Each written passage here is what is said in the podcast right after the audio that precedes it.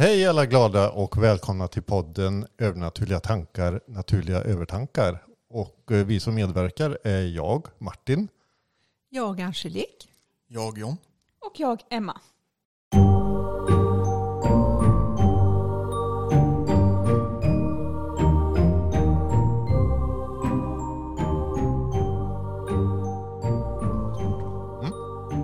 Eh, jag tänker på det med eh, onaturligheten med spökerier, energier. Alltså, vad är det som gör av att det får så liten plats i vår vardag? Det här med eh, energier, andar, spökerier. Alltså, människor kan diskutera energier, de kan diskutera själen eh, beroende på eh, situation och omständigheter. Men de kan inte tillåta sig av att det finns någonting utöver det vi ser eller det vi kan ta på, så att säga. Mm. Hänger ni med? Du menar pra- pragmatiker eller de som inte tror helt enkelt? Ja, inte bara de som inte tror utan att det har blivit eh, sen längre tillbaka att det blev ett förtryck. Ja. Alltså om vi pratar om eh, påstådda häxor från förr Mm. som blev brända på bål. Alltså att exempelvis om eh, religionen då har fått så, så stort Ja, utrymme ja. till att förtrycka andra för naturliga företeelser. Mm. Så att kyrkan å ena sidan sätter sig själva högre upp av att de eh, satt på sanningen så att säga. Och på grund av det då så kunde de alltid slå någon med en bibel i huvudet och säga att du är en häxa eller att du håller på med trolldom eller eh, och så vidare. Hänger du med? Ja, ja, Mm, absolut. Ja. Jag vill inte krångla till det men jag känner att jag blir väldigt långrandig i min, eh, mitt utlägg här nu. Mm. Så vad, vad är det som gör av att människor är så rädda för att eh, tala om eh, spökerier, andar, energier i allmänhet? Tror du inte bara att det handlar om rädsla för det man inte förstår? Eller det man inte riktigt kan se? Inte bara. Inte bara säger jag inte, men just eh, till viss del att framförallt nu i det här form av samhället vi lever i där dels med vetenskap och allting att man ska ha svar på allting, eller mer eller mindre. Och då finns det inte riktigt plats för det onaturliga. Jag tänker ett steg, enligt mig, längre i Ja. det. Av att vi har blivit så indoktrinerade med att se saker på ett visst sätt. Mm. eh, ja, återigen då, att vi på något sätt har blivit villkorade, vilket har gjort människor rädda för att överhuvudtaget kanske tänka eller känna att det här är någonting mer än jag kan ta på eller någonting jag kan. Det, det är någonting utöver, något övernaturligt som vi, vi kallar det då. Men, men sen är det ju så, vi följer ofta våra fem sinnen. Ja. Och eh, kan man inte se det eller eh, uppfatta det på normala sätt så eh, tror jag man blir rädd för det. Och det är rätt lätt att bortförklara det tänker jag med. Ja, och så sen att eh, vissa familjer eller hur vi är som människor så är det ju som så att det finns inte på kartan ens. Det, det är bara mm, logik som råder. Och varför? Ja, Det är lättast tänker jag rent spontant. det är ju det att vi har ju lättare att ta på saker och ting som vi kan se och höra och ta på. Sen såklart som du säger Martin så tror jag ju att kyrkan har haft, eller kyrkan, det behöver inte bara vara kyrkan, det finns ju olika former av religioner, men eh, ta islam exempelvis där alla är, allt onaturligt är djinn, det är en demon. Eh, eh, så det är klart att religioner överlag har haft en inverkan i hur man som eh, gemene man ska tänka kring onaturliga saker. Men sen tror jag inte bara i det, utan jag tror också i det form av samhälle vi lever i idag att det finns mindre utrymme för att tro på det övernaturliga. Att vi är så upptagna med eh, vardagen att det, Det får inte plats. det får inte plats. Nej, jag tänker det Nej. med. Att det, ehm, Ja, men det tycker jag är intressant det du säger. För att det är precis så jag känner lite själv med att man låter eh, allt annat som ska vara den riktiga verkligheten mm, få ta den största platsen överhuvudtaget. Allt annat är anomalier, eh, avvikelser. Och just all teknologi som vi utvecklar, vilket i sig är, är fantastiskt och fascinerande många gånger om man använder det på ett eh, bra sätt. Alltså. mm, mm. Men just det att det är lite som att komma för långt ifrån sig själv. För att vi är ju andliga varelser, vi är ju energi. Mm. Och man känner ju ändå inifrån och ut av att det är någonting som saknas. Vi kan ha ett bra liv i övrigt, så är det inte att man måste tänka på andar och, och energier och spöken och så. Det är inte så jag menar. Utan, men för mig som har levt med det hela mitt liv, alltså rent medvetet, när det gäller med Mm, spökerier mm, mm. och så vidare, så tycker jag det är fascinerande att människor inte vågar tillåta sig eller tror att de inte kan, inte får tillåta sig till att eh, känna inifrån och ut. Just med att Nej, vi, vi gör oss beroende av så mycket teknologi och så mycket ja, olika verktyg som är rent fysiska. Mm. Men jag kan ju bara se till mig själv och min familj. Eh, Jag har ju alltid trott på det övernaturliga just för att jag har sett, jag har känt. Men ser jag till min pappas familj och släkt så är det ju helt galet enligt dem att tycka och tänka på det här viset som jag gör. Jag frågade min pappa någon gång vad han tänker händer när, det blir, när han dör. Och han svarar kort och koncist, det blir svart. Och det var fanns inte utrymme för diskussion kring det. Ehm, och det tror jag är en försvarsmekanism. Det finns en rädsla för det som man inte förstår sig på, det man inte vet. Och då är det lätt att bara tänka att det finns inget. Men kan det inte vara så här också att alla har inte behov utav mer Precis. än att eh, leva som människa och det finns inget inre kall. Det finns inte det här eh, att det finns någonting mer. Det tror jag absolut på. Det, det jag tycker är väldigt viktigt är att i alla år i människans historia tror jag att det har alltid varit någon som har känt av lite mer andligt och spirituellt. Mm. Och eh, samtidigt som det går människor som är fullkomligt nöjda med att vara människor och ha de här fem sinnena så att säga. Och leva det vanliga livet Ja. utan... Och sen är det ju det som jag har sagt förut i tidigare att jag upplever att det har blivit öppnare, mer öppnare. Men det är ju då också som vi pratar om kyrka och religion att eh, vi har ju kommit lite mer och mer ifrån religion, i alla fall i Sverige. Mm. Och då öppnar du ju andra alternativvägar. Men jag råkar ju på människor som är fullkomligt nöjda med att ja, men det är som det är. Ja, Att eh, alla är inte nyfikna och alla känner inte det där. nej. Men att det har kommit fram att det är fler. Ja, men det, det har ju vi pratat om tidigare, kanske inte i podden just, men att det har ju skett en höjning överlag kring människor och människors energi. Att man blir mer och mer känslig för energier och eh, saker som man inte tidigare kanske har märkt av.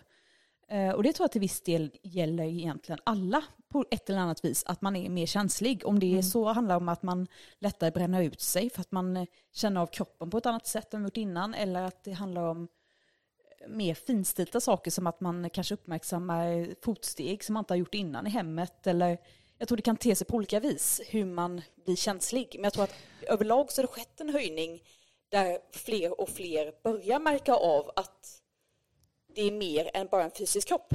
Ja, och varför skulle det inte kunna vara en evolution med det också? Ja. Att eh, det blir en energihöjning och vi blir mer medvetna. Mm. Det kan vet. det ju vara. Nu vet jag inte om det är personligt bara från, min, från mitt perspektiv. Genom åren så har jag stött på väldigt många, eh, träffat, lärt känna människor som har en nyfikenhet på det. Och det, det är därför jag ställer frågan så för att av någon, jag inbillar mig i alla fall att många, kanske till och med de flesta är nyfikna på det, tycker det är fascinerande. Sen som ni säger av att man kan absolut ha ett jättebra liv. Man måste inte bry sig om det här överhuvudtaget. Det är inte så. Utan man har ändå märkt att så många fler än inte har haft en nyfikenhet och en eh, fascination över det på något ena eller andra sättet. Men de har aldrig tillåtit sig själva till att utveckla det eller laborera på något sätt runt det. Nej, och som, som vi nämnde förut också att det ligger väldigt mycket rädsla. Att när vi pratar om andlig utveckling eller någonting så tror de att nej usch, jag vill inte hamna i en sån situation där jag ser och hör någonting. Att det är rädsla som ligger. Mm. Ja, men jag tänker, det, ska man prata med eh, någon som inte är så insatt eller någon som inte tror på detta så pratar man om personlig utveckling och det är ju egentligen minst lika andligt som eh, det övernaturliga. För det Ja. handlar ju om att eh, medvetandegöra sig själv och sitt sinne och egentligen då också sin energi. Eh, men ibland så tror jag att man får ju prata i termer som går hem hos fler för att det det är mer lättförståeligt.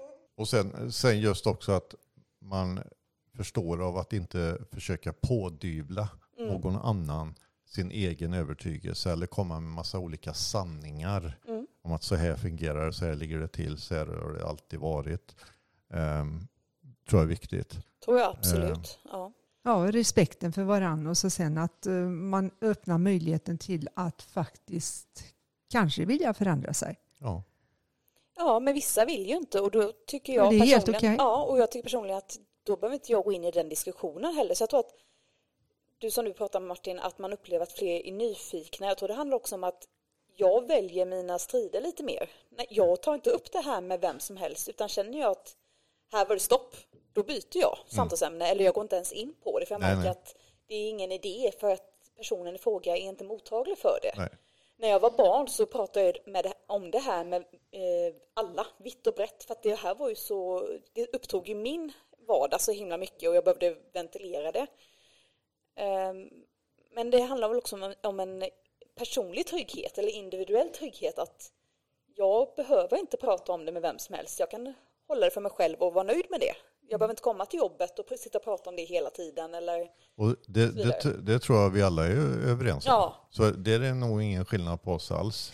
Det, ja. Det jag tycker är intressant är att jag behöver ju inte nämna någonting när jag jobbar inom vården då. Utan att det är människor som, kollegor eller vikarier, någon som kan dyka upp och börja prata om det här Mm. istället. Så att det har ju blivit öppnare någonstans. Det det, Mer eh, absolut. rumsrent. Och säga, oh, det rummet där, det, det, det är ett otursrum eller där gillar jag inte att gå in och sådana grejer. Och säger det spontant. Och så var det ju inte förr. Nej. Nej, men det ser jag ju på mina kollegor med. Jag Jag har ju kollegor som håller på med tarotkort. Jag har kollegor som är känsliga. Många är känsliga för energier. Eh, och då blir det ju på ett annat sätt att det blir naturligt att man kommer in på det. Så jag har ju kollegor som kommit med att nu, nu har det hänt något hem- hemma Emma. Hur ska jag hantera detta? Eller kan, har du tips på hur jag ska bli av med det? Eller, eh, och då pratar jag jättegärna om det såklart. Men det är just att det är som du säger Angelique, jag tror att man är mer öppen, vilket gör att det finns ett klimat för att ofta prata om det. Men ibland så känner man att nej, här tar stopp, som med min familj.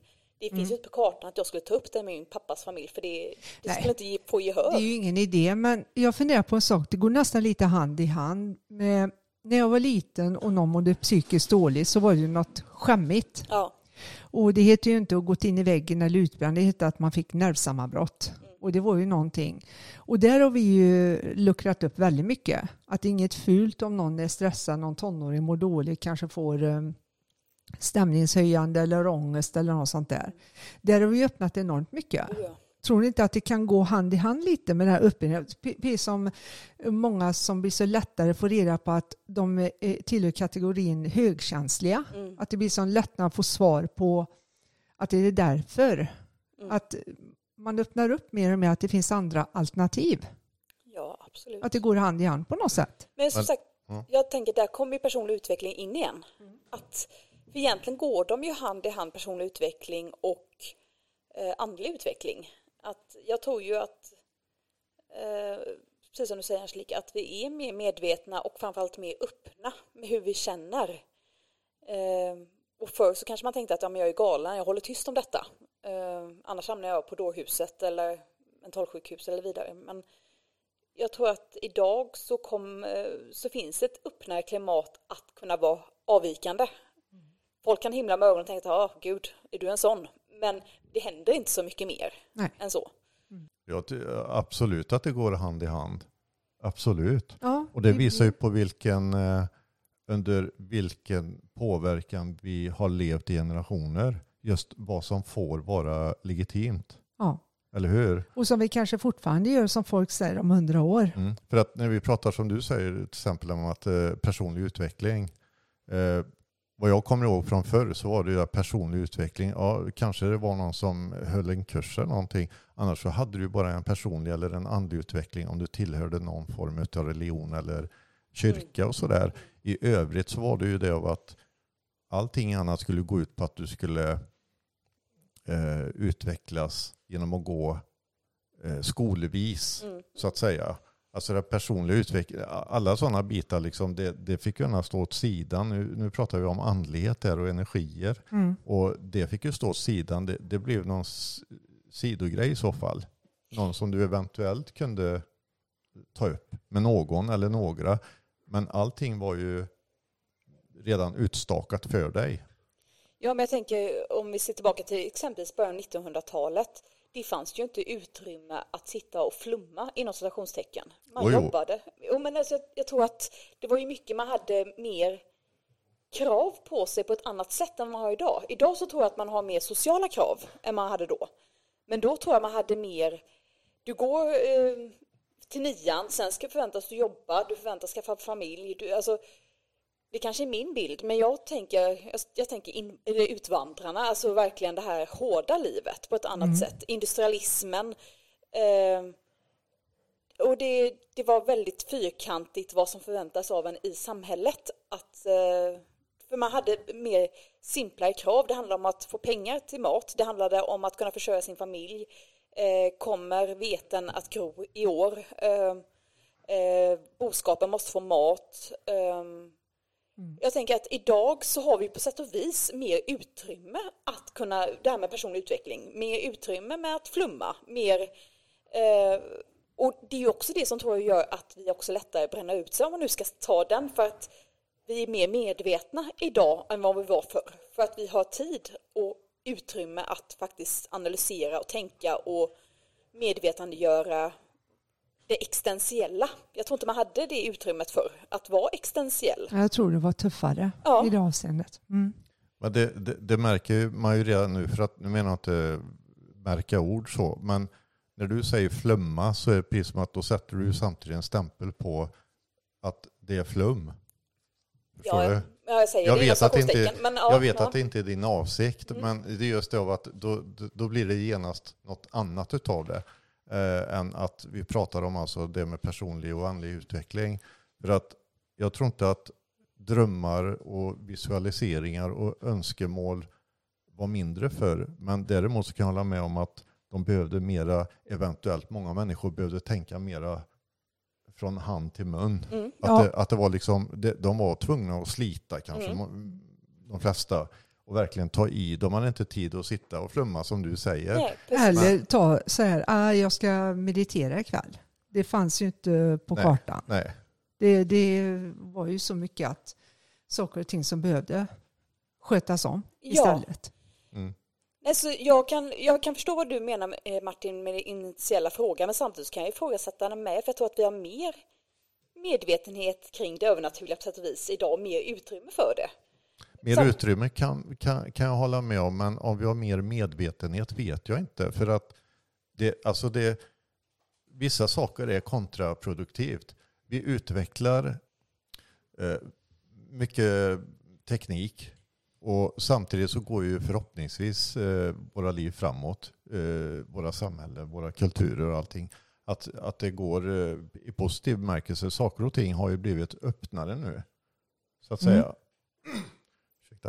Samtidigt som vi gör oss mer beroende av apparater. Samtidigt som eh, ledare eh, vill att vi ska vara på ett visst sätt, bete oss på ett visst sätt, göra saker på ett visst sätt.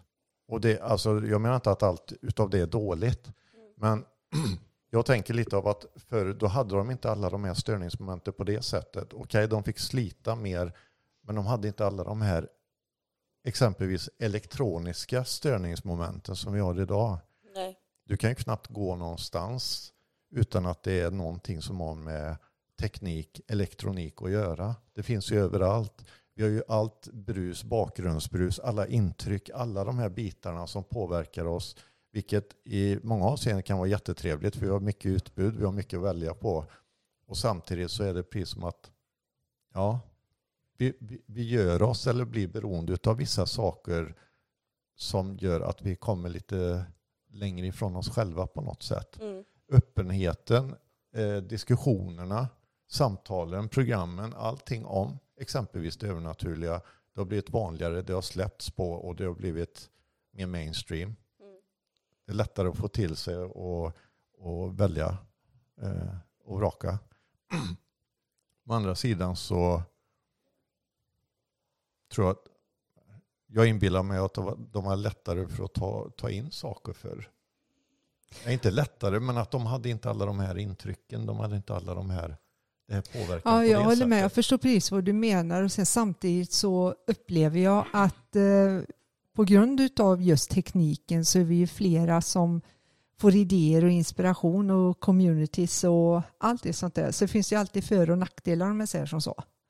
Ja, för jag tänker för eh, om man ser tillbaka att eh, då var det ju en social kontroll på ett annat sätt. Bara för att man inte hade en ledare över sig just i samhället. Då kanske det var posten som såg till så att församlingen höll koll på personerna. Så det, då var det ju en rädsla för att sticka ut för att då blev det farligt. Man blev en farlig person. Jag tänker eh, som du tog upp med häxor eller eh, ja, eller att man var galen helt enkelt. Att man var tvungen att rätta in sig i ledet. Även om man var en avvikande person och hade kanske de här tankarna så var det fortfarande ehm, jag tror att man eh, samhällsmässigt så sågs man mer som ett hot för än vad man gör idag. Ja, sen, Men seriöst alltså. Vi har precis haft det här eh, som jag kallar det pandemin.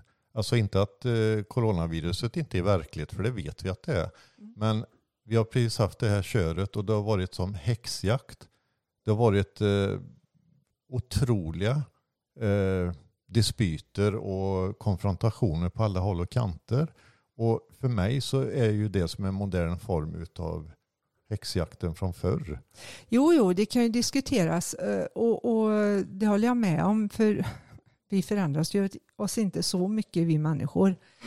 Men om vi säger som så här att det vi pratar om just att präster eller vilka ledare han är som kan gå in och styra att man inte vill sticka ut. Då vill jag också se den andra vinkeln utav att tänk om du inte hade behovet att sticka ut för du visste inget Nej. mer.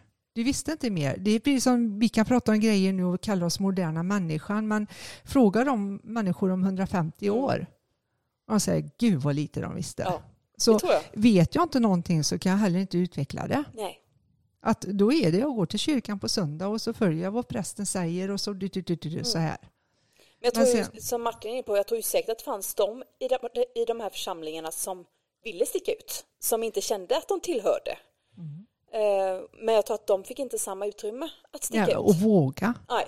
Och det tror jag, det, det är just det jag tänker på, det är lättare idag. Det är lättare att sticka ut från mängden utan att bli, eh, Brann på bål. ja precis. Hej alla guldkorn! Det är Angelique här. Vet ni att jag jobbar med healing och andlig vägledning? Även med personlig andlig utveckling. Jag har flera års lärdom att dela med mig utav. Jag och min man Martin rensar även hus och hem från negativa energier. Det har blivit lite grus i maskineriet och det är lite oförklarliga fenomen som sker.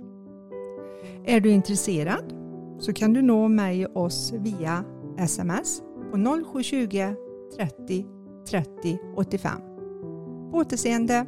Ehm, sen så är det klart att, eh, precis som du är inne på Martin, jag håller helt med dig om att vi har mer, eh, vi får mer stimuli idag och det går fortare intrycken vi får. Det, eh, det är svårare att bara vara idag kanske än vad det var förr för att vi, vi är hela tiden påslagna när det kommer till teknologin eller ja, men- Kan det inte vara då att då blir det viktigare med mindfulness och meditation för att man ska varva ner lite? För jag, jag vet ju det att eh, reagerar inte min telefon tillräckligt snabbt så blir jag frustrerad. Jag, det ska gå undan, det ska gå så snabbt att man behöver en balans där. ja. så, som du nämnde förut, det här med eh, att man fick ett nervsammanbrott och idag så kan man vara utbränd. Man kan gå in i väggen, man kan allt det där. Eh, vad var, alltså jag, jag var nyfiken på, vad var det, var det för att tillräckligt många började må så dåligt på grund av att allting skulle gå på ett visst sätt och en viss hastighet. För att det är som att samhället i sig, de kan ha så bråttom med saker och ting om man säger, nu, nu pratar jag bara rent allmänt sådär, att människor kanske inte orkar med det där. De känner att jag behöver något mer eller jag behöver något annat i mitt liv som liksom uppfyller mig än att bara jobba sju till fyra eller tvåskift eller treskift eller vad du än jo- jobbar liksom. Och, och Förstår ni vad jag menar? Alltså blev behovet stort för att tillräckligt många blev så dåliga Så att då var det okej av att, att man liksom satte in åtgärder för att de skulle...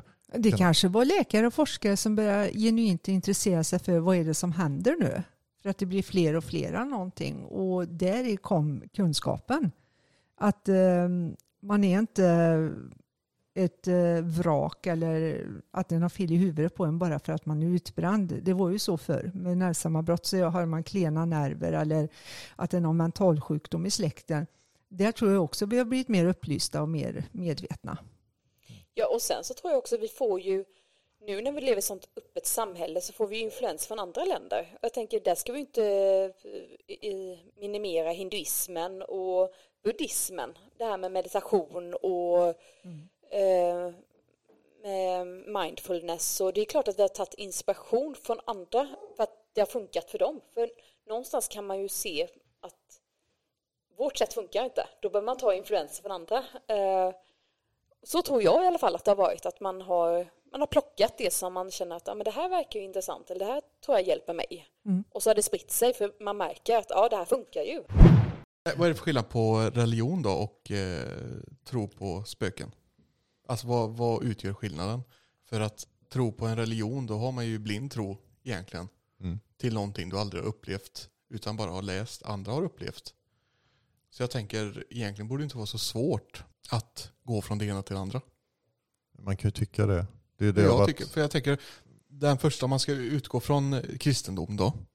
Den första som såg mirakel med Jesus, Moses, vem som helst. Mm. Någon utav de personerna måste ju ha varit, eh, ha en, eh, vad säger man?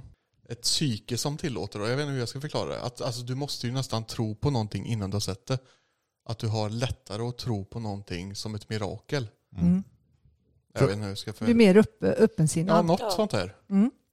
lite av problemet som jag ser det är ju det av att om vi tar som kristendom exempelvis, katolska kyrkan eh, och så vidare. Eh, de har gjort allting väldigt statiskt. Det är så det är. Mm. Det är lite som om, om du skulle fråga en mattelärare varför är matte så? Men det är så det är. Det är en faktiskhet på något sätt. Det är ett faktum. Det är liksom två plus två blir eh, fyra. Medan livet kan bli 17. Alltså, det, det är just det av att de har gjort det statiskt. Alltså kyrkan, de rör inte på sig. De berättar samma historia, har gjort i flera hundra år. De har, Bibeln har godtyckligt ändrats eller plockats delar, plockat ut delar eller lagt till delar av eh, bland annat, som i Sverige, Gustav Vasa. Då. Han tog in eh, Martin Luther och eh, så var det protestantismen istället för katolicismen och så vidare. Va? Så att allting är väldigt godtyckligt men det är väldigt statiskt allting. Du, de, de är fortfarande kvar och stampar med att Jesus dog för våra synders skull exempelvis.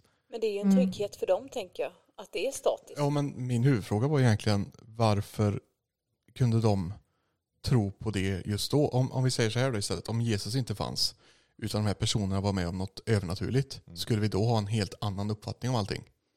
Har det bara med alltså rätt tid vid rätt plats att göra? Ja, För egentligen kanske vi hade trott på andar och spöken, men har någon sagt kristendom, Gud och Jesus, då hade det blivit nej. ja det, Det- alltså människor har inte enligt eh, religionen och enligt his, historien så har de inte tillåtits till att tro någonting som går utanför ramarna för den religionen eller den kyrkan. nej. Så, så som jag ser det, jag säger inte att jag har rätt. Jag bara liksom har, Eh, Men då, Det- fin, då finns det egentligen en, en grundtro hos människan. Ja, Att tro på någonting Mm. större. ja. Då det borde den finnas hos alla människor. Ja, fast Ja. Du, du kan ju inte brodera ut någonting. Om vi säger till exempel när det var häxförföljelserna, eller det behöver inte ens vara häxförföljelser, men att du riskerar någonting ifall du gick, ta som Mm. Nostradamus exempelvis, han levde ju under dödshot. Mm. Och han ville de ju ta död på, Mm. ifall eh, så. För att han sysslar ju med någonting som hade väldigt mycket med andlighet att göra. Mm. Så han hade ju en kontakt med sig själv antagligen och med energier som det, det var inte populärt av kyrkan och att han hade det. Eh, Det är rätt intressant just det att den pratar om brinnande buske, Jesus gick på vatten och allt sånt där. Men, och den heliga anden då. Men så kan man inte tro på att det kanske finns flera andar. Mm. Nej, det är det jag menar. Någonstans har det ju börjat. Ja, Och sen har någon bestämt att nu går vi inte längre. Nu har vi det vi behöver. Ja, går du utanför det här nu så då jävlar. Och, Mm. och, och vad, vad, vad jag tror, alltså eh, saker är mer öppet idag. Vi har ju mött många präster genom åren så de är jättetrevliga och goa och till och med har ett eh, öppet sinne, många Oh, utav ja. dem. Så det är inte det. Men kyrkan och religionen i sig är fortfarande så statisk så att det lever kvar. Mm. Eh, Vi har ju fortfarande den lutheranska biten. Mm. Jag tycker det är så fel att vissa präster kan kalla sig andliga då och inte ha mm, allt det andliga. Ja. Att du kan välja ut en bit du vill ha bara och säga att nu är jag andlig. Mm. Ja, men jag går och frågar om, om jag skulle fråga en, en, en präst, en kristen då, vad händer efter jag dör? Ja, då är det ju Gud och paradiset. Men jag kanske vill ha mer detaljer, då finns det inte det om inte personen är andlig då. nej. Alltså vad händer? Vad, vad, vad kan jag förvänta mig? Och då kan de ju bara utgå från det de har läst. Ja, det är Sanctus Per och porten. Ja, Det är liksom, det, det, det, that's it.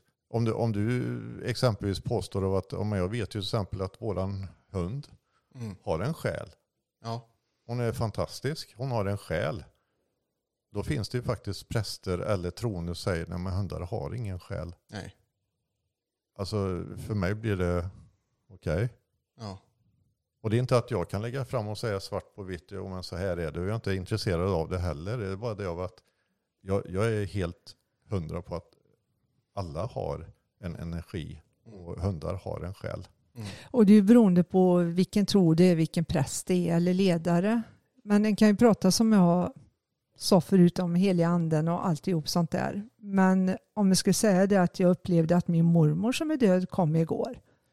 Då är det styggelse istället. Mm. Att det kan man inte lita på. Nej. Och det är där jag blir kan man, Då kan man splittrad. helt plötsligt tro på, du tror inte på spöken, du tror på Gud och så tror du på djävulen. Mm. Och Ja. då tror du helt plötsligt att, Det är något lurt. ja, Men de tror, ju, direkt. de Ja, tror ju på änglar faktiskt.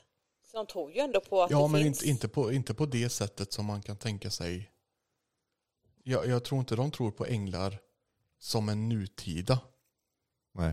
De, de tänker nog mer änglar från förr och Ja. änglar som är i paradis eller himlen. De tänker nog inte som att änglar är någonting. De tänker nog på änglar på samma sätt som Jesus. Att Det var 2000 år sedan ja, ungefär. Så. Jesus kan, kanske ser dig nu men han skulle inte kunna påverka. Nej, det vet jag inte. Min bild är väl ändå att de tror att de skyddar oss och att de ändå är eh, bland oss. Alltså inte bland oss fysiskt utan att de ändå är en del av heliga anden. Att de är... Men det är ju det som blir skillnaden där. För att vi, vi anser ju att änglar är för alla. Ja, Kyrkan anser av att änglar är exklusivt för religionen, för kristendomen, för Jesus och alla innefattande.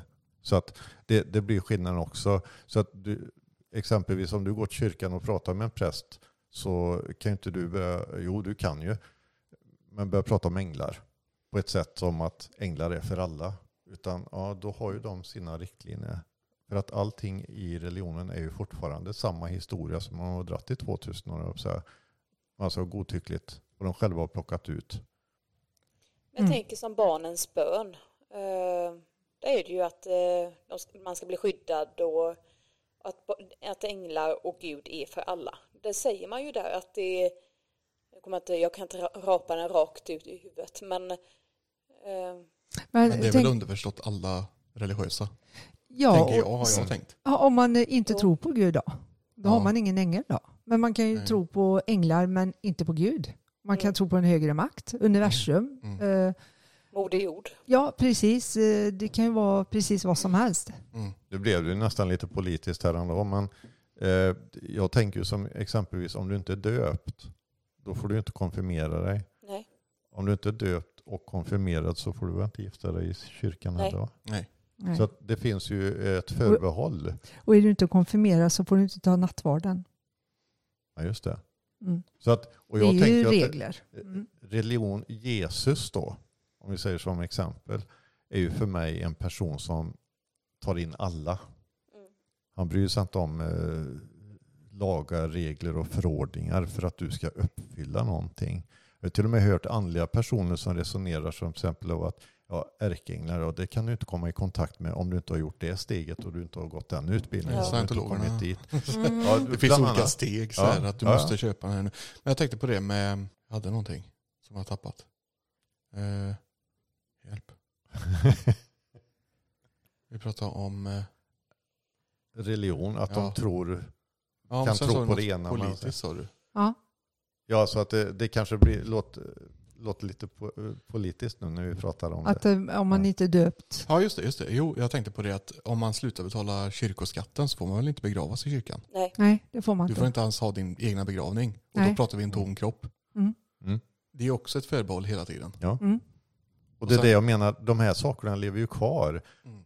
Och jag kan förstå att man behöver viss, en viss ordning på saker och ting för att kunna uppehålla eller upprätthålla eh, vissa saker, absolut. Men det här är ju regler alltså som talar emot den här godheten. Mm. Eh, innan- Kärleken, Kä- ja, precis. villkorslös kärlek. Villkor, ja precis. Det är ju villkor. Ja. Ja. Mm. ja, det är klart det. Jag, jag, jag menar till exempel bara om vi, om vi utgår från början med Jesus, jungfrufödsel, hallå? Är det biologiskt eh, möjligt? Ja. Ja, det är första och enda gången i så fall. Ja. Den största lögnen i historien brukar Ja. de säga. Mm. När jag var Ja. liten så fanns det här fortfarande och jag pratade om att, eh, och det vet vi ju från filmer också, Oh ja. det var en jungfrufödsel. Och helig anden. Den är inte... Det är som mamma sa, det var då aftonstjärnan for som en jojo på himlen. Alltså, Ja, sa hon alltid. jaha. Vadå då? Att det skulle vara tecken då. Det sker Ja. ju aldrig. Nej, nej. Nej. Och nästa grej då att Jesus dog för våra synder. Jag tror Mm. han dog för att det var politiskt oroligt och att de såg honom som ett hot. Ja. Som eh, har hänt många människor. För att Jesus, Guds son, ja, men vi är alla Alla barn. Gud. Ja, precis. Men jag tror att det man låser sig vid är att det är ju människor som har skrivit ner detta. Det är ju, det är ju av människan skapad och människan har ju begränsad eh, kapacitet ibland. Dels av makt, maktskäl, att den vill styra och ställa. Eh, och sen för kontroll. Och alltså Bibeln användes ju av många olika skäl när den skrevs. Mycket Ja, det är en tolkning och sen Ja. så har ju vittnesutsagor skrivits 300 år efter. Ja. Hallå, det, det, det blir ju... Vad är det man gör mer när de gör nya testament och sådana uppdaterar? Är det att de uppdaterar språket eller uppdaterar de historierna? Språket främst är det väl, men sen Får har väl... hoppas det. För jag tänker, hur kan, man, hur kan de sitta nu över 2000 år senare Ja, och det är- säga att jag tror. Ja, de så kallat moderniserar ju språket, gör det modernt Ja. så att det ska vara mer lättläst. Men historierna i sig, de är ju alltså Döda havsrullarna och så vidare. Det, det, det finns ju evangelier som inte fick vara med i Bibeln. Så är det. Men det jag skulle komma till var ju att jag tror inte någon religion i sig är av ondo eller inte är villkorslös kärlek. Det är ju hur människan har tolkat det.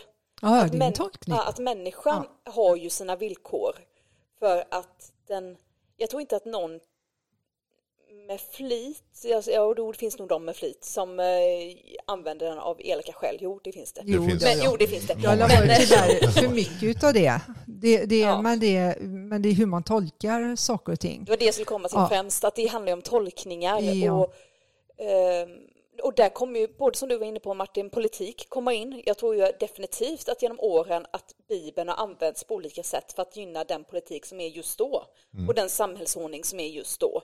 Och det är klart att då har de ju skrivit om den, för att så som det var under eh, medeltiden, det hade ju inte funkat idag, hur Bibeln var skriven då.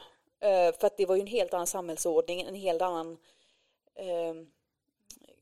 ja, kultur, allt var ju annorlunda då. Ehm, Så jag, jag tror ju självklart att eh, skriften i sig, om man ska se till Bibeln, men också Kor- Koranen och alla möjliga, att den har ju ett personligt, eh, en personlig stämpel från där de är just då. Man kan ju se i historien när den är skriven just för vad de vill förmedla via texten. Men grejen är ju så här, ända sedan eh, Ansgar på 800-talet var det väl, när han kom till Norden och skulle förmedla budskapet, skriften, Jesus och alltihopa. Då var det ju att människor blev ju verkligen, pådyvlade. Ja. Det var inte så här, det, alltså, det var inte som att du hade ett val, ja men gör som du vill. Nej, alla skulle. Ja, ja. Och när Columbus eh, landade eh, nedre regionen av Amerika, eh, exempelvis, det var också en pådyvling. Ja. För att han hade vissa positiva grejer att säga om de indigenous som bodde där, just där han landade. Men de, de såg också till att styra om det. De manipulerade Mm. människorna på grund av att de såg sig som överherrar och att de där var ju vildar. Så att nu ska vi kultivera dem. Nu ska vi göra så att de Tro på den sanna tron. tror på den sanna tron. Mm. Och alltså det går ju religionen och politiken för att det finns ju ingenstans i religionen i alla fall som jag känner till förutom av de som eventuellt omskrivs i Bibeln som Moses och så vidare som har gjort saker för att hjälpa människor. Alltså för att, av kärlek och, och Det är omtanke. väl det Bibeln handlar om mycket. Ja, Mångt och mycket. och sen så har andra använt det, mak- makthavare har använt det som ett vapen. Ja. Mm. Nu låter jag ju jätte... Mm. Alltså, men jo, jo här, men det, det, en ska aldrig underskatta både religionen och historien har ju skrivits om efter tycke och smak. Oh, ja. Men det intressanta är ju att eh, som början där eh, du börjar prata om John, det är ju det att varför är det okej med en del Mm. och inte en annan? För egentligen så pratar de ju om mirakel, magi, Mm. övernaturligt. Men jag har aldrig sett vin, eller vatten bli till vin. Jag Nej, har det, aldrig sett dem ha delat på Röda havet, eller Döda havet, eller vilket var det? nej. Uh, rö, röda havet var det. Ja, det tror jag. Jag kollade upp precis vad skillnaden mellan religion och ideologi är. Mm. Och svaret är att religion har ingenting med politik att göra. Medan ideologier har ingen, de har ingen tro på en övermänsklig varelse eller makt. Men de har eh, grunder i ekonomi och politik. Jaha. Mm. Men det är ju också, det tänker jag att där har ju de gått ihop väldigt mycket. För att Gått hand i hand. Ja. Enligt, alltså enligt beskrivningar av dem så, så ska de ju vara vitt skilda. Jag, jag tycker alltså beskrivningar och få liksom eh, källfakta och bla bla bla, det är jätteintressant i sig. Eh, bekymret för mig blir just det av att allting blir kategoriserat. Det, det sätts i något så här, för, Mm. så här va, att ja, du kan gå dit och så får du reda på ja, det är fakta, så fungerar det enligt den och den. Och det. Men grejen är att när vi pratar om det här med andlighet så finns det ju egentligen inga gränser på det sättet. Nej, det finns inte. Utan det är ju, det är ju mänskliga påfund. Sen Mm. har någon försökt att hitta en förklaringsmodell. Eller, Men det är intressant just med att eh, två skilda saker går hand i hand. För det har ju historien eh, visat Men, men jag flera tänker, gånger om. det ska vi inte förringa att det finns ju faktiskt lagar och regler inom andlighet också som vissa har satt upp. Som kanske inte vi håller med om. mm. Om att, Absolut. Eh, nu kommer jag inte på något specifikt, men jag vet vi har pratat om det förut, att vissa tror ju på ett visst sätt och det blir nästan lite sektliknande. Att man måste göra på det här viset för att blir Godkänd det eller... blir ett högre, med, eller Ja. något högre medvetande. Eller, eh, så det är ju inte bara inom religion. Det finns ju alltid eh, människor som tycker att de vet lite bättre och de som eh, nästan vill ha lite, eh, jag var på väg att säga martyrstatus, men inte martyr jag är ute efter, utan mer eh, helgon kanske, att man vill förhöja sig själv. Med hybris. Ja, med hybris. Mm. Precis, det är det ordet jag är ute efter. Men det får vi inte glömma, det är gemensamma nämnare här. Det är människor. Det är människor, precis. Vi lyckas ju oavsett om det skulle vara någonting som alla är överens om så skulle ändå så vara specifika människor som skulle sticka ut Ja. och så sätta egna regler. Det ser man ju på sådana här äh, sekter där det har gått åt skogen att i början så har det börjat med kärlek Ja. och äh, peace och love och alltihop sånt där tills det har blivit värre. Tänker bara på han som Jonestown. Ja. Att helt plötsligt så bara det slår slint högmod. Mm. Det ska man aldrig glömma och makthunger då. Nej. Nej, så jag tänker att eh, som John inne, var inne på att det spelar egentligen ingen roll vad det är vi hade trott på så hade det alltid funnits människor som hade gjort det till sin grej Ja, ja. eh, och lite vill ta över för att de, de ser en vinning i det. Mm. Eh, så jag vill ändå stå fast vid att jag tror inte att religion i sig är av ondo. Det finns något positivt, något kärleksfullt i det. Sen är det hur människor vrider och vänder på det som ibland blir ondskefullt. Ja, alltså om man leker lite med tanken så tänker jag ju att de som upplevde det då på plats, de eventuellt kunde utveckla det här eh, ja, det med kärleken och omtanken och så. Och sen så kommer andra intressenter och så kommer det någon med någon annan övertygelse och så bla bla bla och så ställs det ena mot det andra och så blir det massa konflikter och, och sådär. Alltså någonting som tyvärr är vanligt inom religionen, vi pratar om här huvudreligionerna som vi har, eh, kristendomen, eh, protestantism, eh, katolicism och så vidare, det är att Gud är fördömande. Alltså den skapande kraften är fördömande. Mm. Och det innebär ju alltså att Gud och den skapande kraften är villkorlig. Och det är inte mitt sätt att se det. Nej. Jag, jag anser inte att det finns någon fördömande Gud som liksom straffar dig eller det, det med Sodom och Gomorra och allting. Det är ju, det är ju sådana här sedelärande, alltså de vill ju de vill ju sätta människor på plats på något sätt med det. Genom att tala om att gör du så här, då går det så här. Mm. För Gud kommer att slå ner på dig. Och du, det blir inte nådigt för dig. Det, det Liksom. blir som vanligt. Svart och vitt, Så, rätt ja. och fel. Ja, Jag tänkte när du tog upp Jonestown, sådana sekter, att eh, Mm.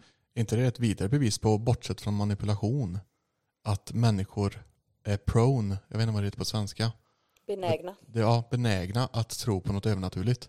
mm. Jo, det är Det är vi. det jag försökte få fram förut, att det finns Ja. alltid, hur mycket du än tänker att folk tror inte, han eller hon vill inte tro, den tror inte. Mm. Så någonstans i oss, för att vi kan bli manipulerade och tro att vi tror på det rätta. Abs- Ja. Absolut. Så där någonstans Absolut. måste det ju finnas i våra gener. Ja. Det tror jag absolut. Vi- Jag tror att vi är skapade för att eh, ha tilltro till nå- någon högre makt av något slag. Och sen vad det är tror jag kan diffa väldigt mycket beroende på i vilken Mm. kultur man bor i och ja, i vilket årtal och så vidare.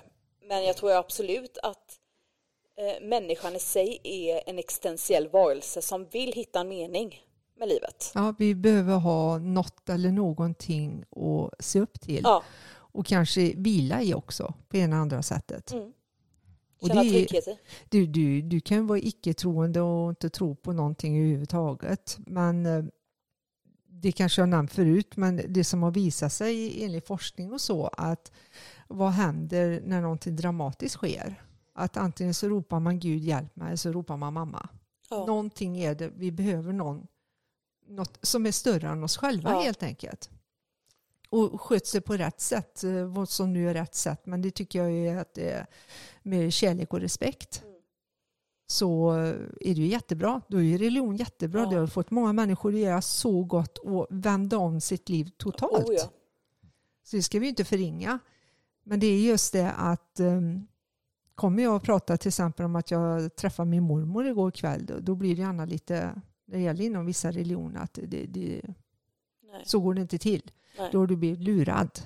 För det är en negativ kraft. Mm. Jag tror att som, som jag personligen har sagt med väldigt, väldigt många ord under det här tillfället nu, är väl det av att jag vill att människor ska tänka och känna själva.